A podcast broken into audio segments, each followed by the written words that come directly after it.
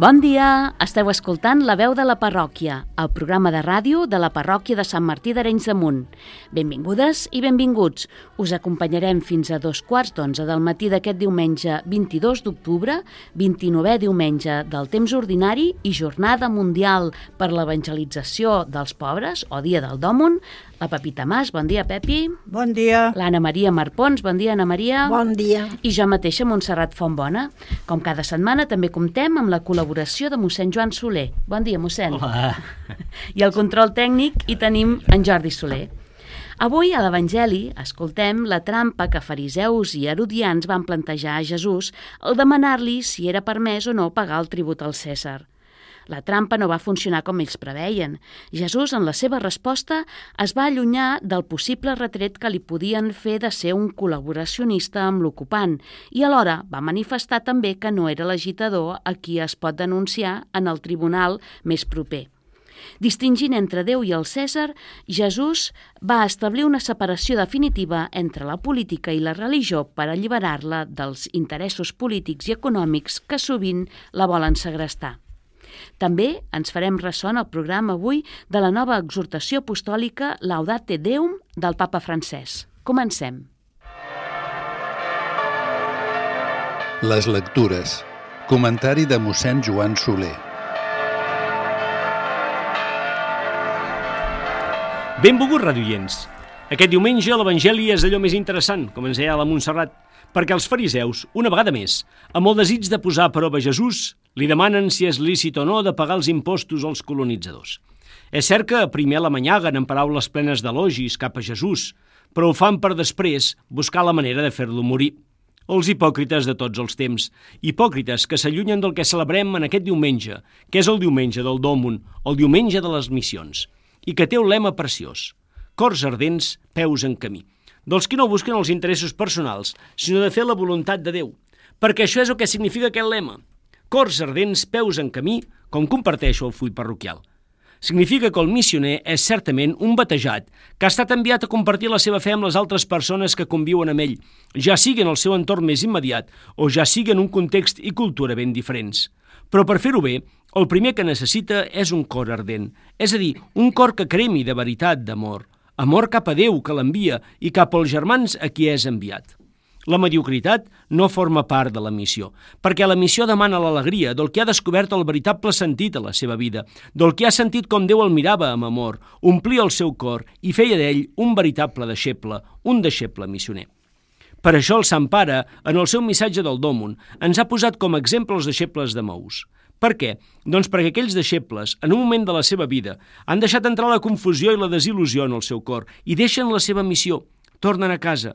Però Jesús té un altre pla per a ells. Per això els va trobar en el camí. On aneu, els hi demana, per què marxeu de Jerusalem? I els fa seure de nou a la taula de l'Eucaristia i els hi dona la força per continuar endavant. I aleshores, reconfortats per Jesús, es converteixen de nou en missioners perquè han deixat transformar la seva vida per Jesús. Quins són els signes d'aquesta transformació? Doncs que els cors cremen quan escolten l'Escriptura, que els ulls s'obren de bat a bat en reconèixer-lo present a les seves vides i, finalment, que els seus peus es posen en camí. El signe d'una veritable vocació es troba en aquests tres elements. Un cor que crema d'amor, uns ulls que s'obren per percebre tota la realitat i uns peus disposats a dur-nos allà on el Senyor ens cridi. Per això, quan aquells deixebles estaven desanimats, qui pren l'iniciativa és el Senyor. Sap que en aquell moment de la seva vida el necessiten més que mai i Jesús, ple d'amor, no es cansa de posar-se al seu costat. Jesús mai es cansa de corregir-nos, a pesar dels nostres efectes, dubtes i debilitats. Si això ho tenim clar, si ho preguem tan sovint, per què tenim tan poca fe i el sentim tan lluny a vegades? És el moment de saber que ell ha vingut a trobar-nos en aquest moment de dubte i de fragilitat i ens diu, no tinguis por, recorda que estic amb tu i que t'he cridat per estar amb mi. I res més, germans, recuperem la il·lusió de la missió, que vol dir també, i per sobre de tot, saber descobrir en els altres a veritables germans, amb qui no només volem compartir el camí que fem i la nostra vida, sinó també el que nosaltres creiem, el que omple el nostre cor. I en aquest diumenge del Dòmun, on li presenten una moneda a Jesús i li diu «Doneu al Cèsar el que és el Cèsar i a Déu el que és de Déu», jo us diria també en paraules dels pares de l'Església, doneu al pobre el que és del pobre i sigueu generosos en col·laborar per una causa tan noble. Ens veiem a missa. Bon diumenge a tots.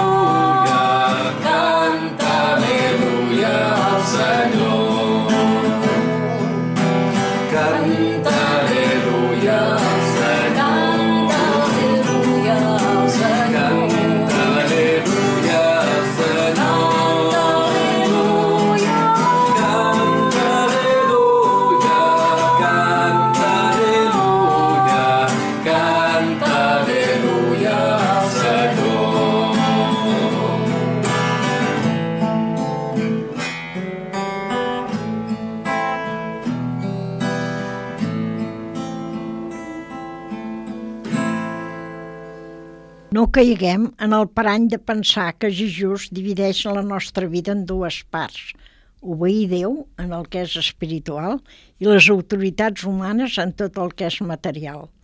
El poble és de Déu. Cada persona té la dignitat de fill que Déu li dona i ningú no la pot usurpar. El César ha de fer-ho com un servei a la comunitat, mai com a amo i menys com a opressor aquells que tenen la moneda a punt, Jesús els recorda el perill de fer-se esclaus del diner, en comptes de fer de servidor de Déu, en cada ésser humà, perquè el César, fent gravar la seva imatge a la moneda, s'ha apropiat del diner i la riquesa, en comptes de fer-lo servir per al bé comú. L'actitud de Jesús té molt a dir-nos en un món en què cada vegada la riquesa està en més poques mans i, per tant, menys al servei del bé comú i especial dels més febles, i on la dignitat de la persona en qui Déu ha posat la seva veritable imatge s'està devaluant. Ets Déu d'aquesta terra, ets el rei d'aquest poble, ets l'amo de la vinya, Senyor. Ets llum a les tenebres, l'esperança del pobre, la pau del que camina. Senyor, no hi ha ningú com el nostre Déu. No hi ha ningú com el nostre encara queden obres grans, coses més grans que Déu farà a la ciutat.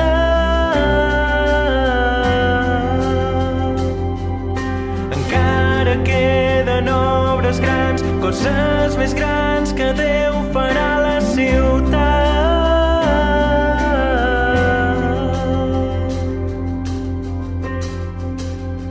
Ets Déu d'aquesta terra, Ets el rei d'aquest poble, ets l'amo de la vinya. Senyor, ets llum a les tenebres, l'esperança del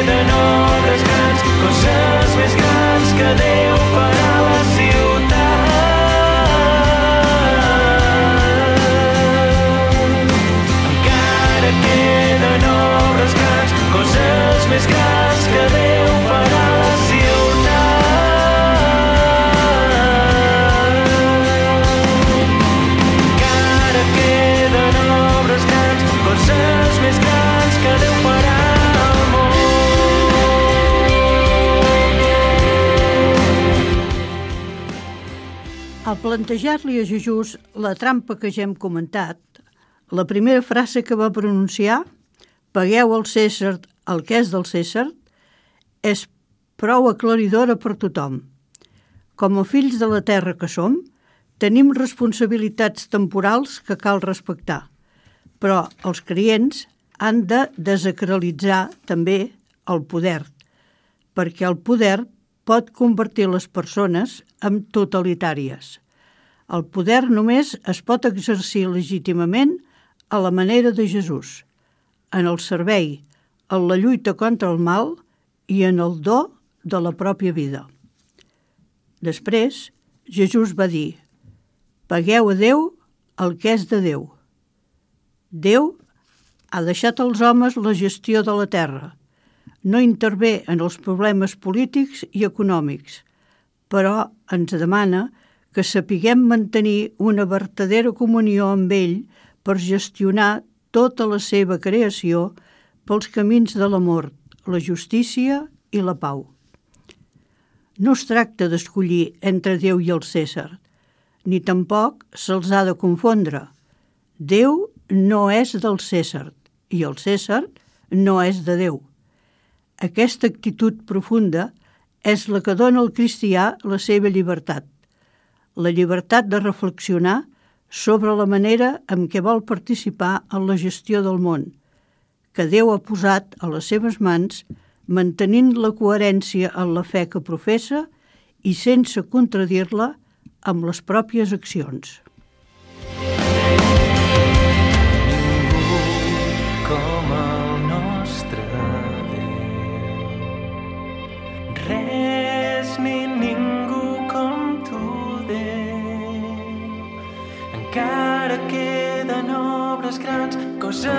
Més grans que Déu farà la ciutat.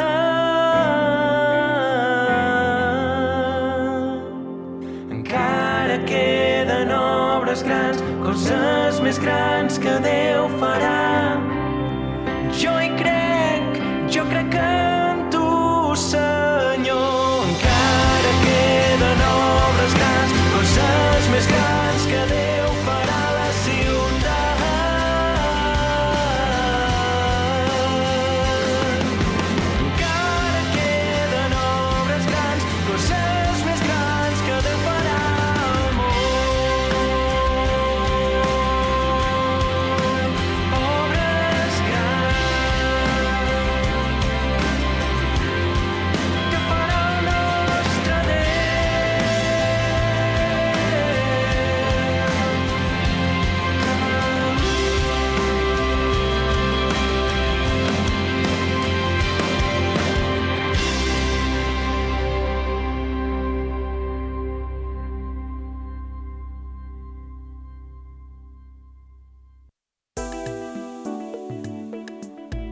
La veu de la parròquia.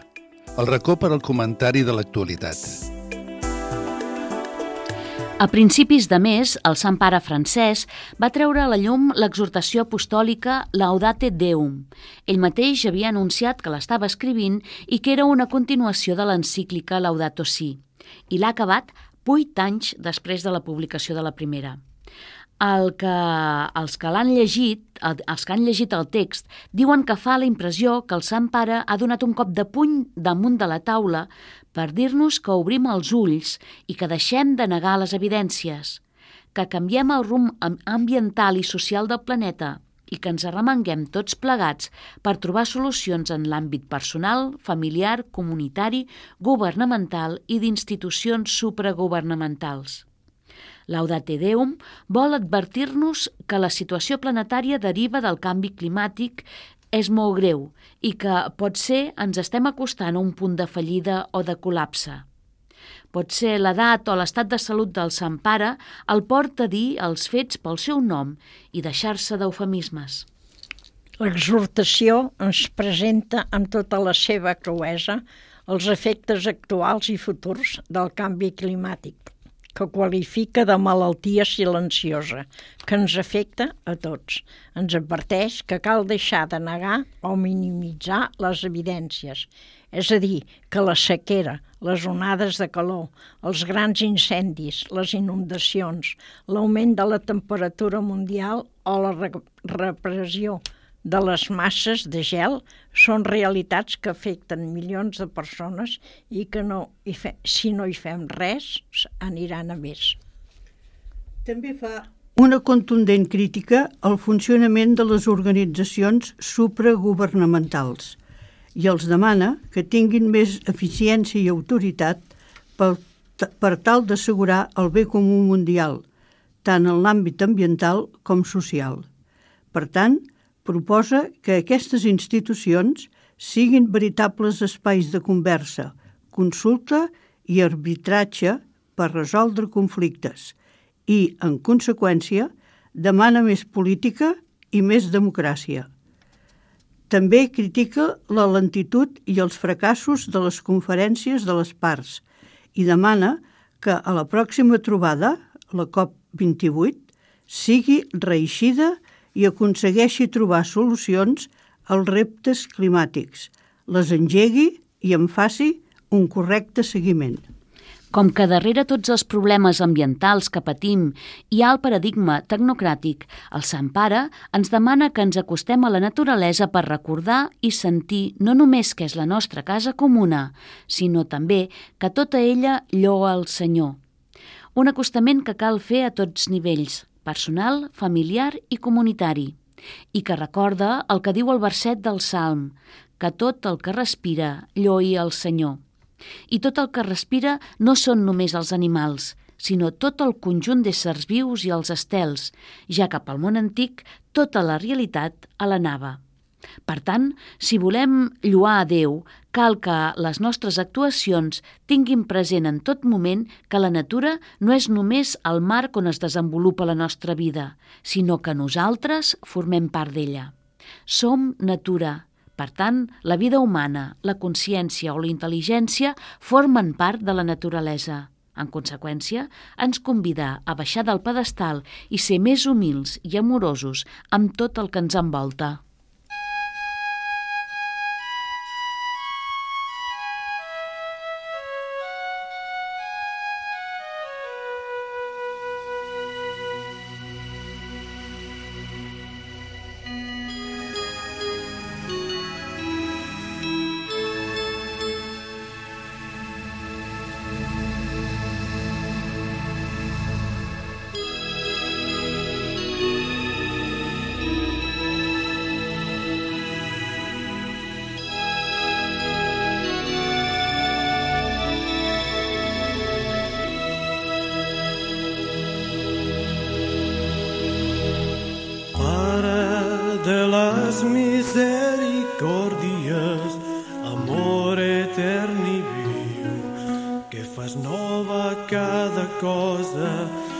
Estimes,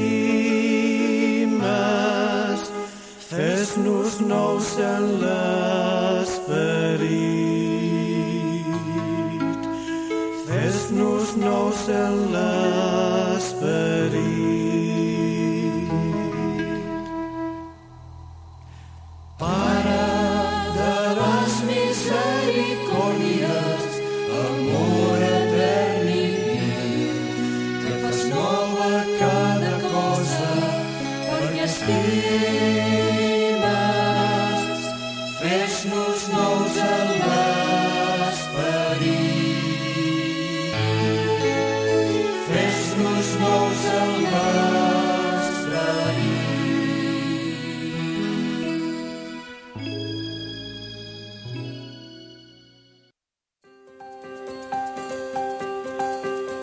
La veu de la parròquia, el racó per a la pregària.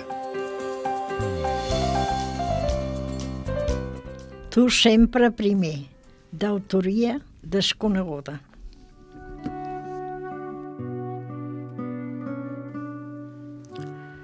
Caminava cap a tu, però t'he vist venir cap a mi. Volia córrer cap a tu, però t'he vist córrer cap a mi. Desitjava esperar-te, però he sabut que tu ja m'esperaves. Desitjava cercar-te, però t'he vist cercar-me. Pensava, quin goig, t'he trobat, però m'he sentit trobat per tu. Volia dir-te, t'estimo, però sóc jo qui t'he sentit dir, ets el meu estimat. Volia escollir-te, però tu m'havies escollit per endavant. Volia escriure't, però ja havia rebut la teva carta. Volia viure amb tu, però t'he descobert vivint amb mi. Volia demanar-te perdó, però m'he adonat que tu ja m'havies perdonat. Volia oferir-me a tu, però t'he rebut com a do a tu mateix. Desitjava oferir-te la meva amistat, però he rebut el do de la teva. Volia dir-te, Abba, pare, però he sentit que em deies, fill meu. Volia revelar-te la meva vida interior, però t'he trobat revelant-me la profunditat del teu ésser. Desitjava invitar-te a la intimitat de la meva vida, però m'ha arribat la invitació a entrar en la teva. Desitjava alegrar-me d'haver tornat a tu, però he vist com t'alegraves del meu retorn. Déu meu, seré alguna vegada el primer?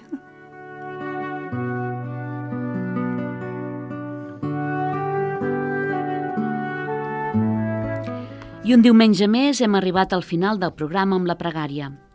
Avui marxem amb una cançó del grup Gorship.cat, El cant de l'Apocalipsi.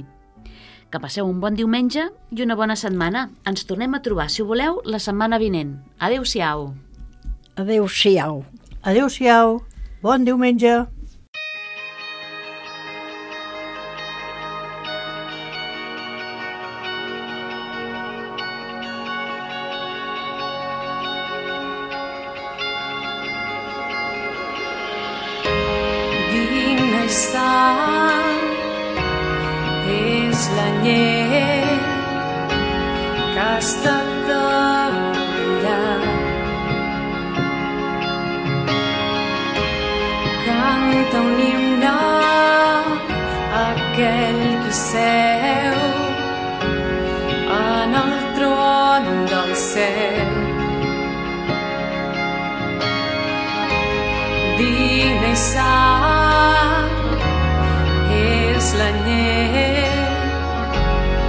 Que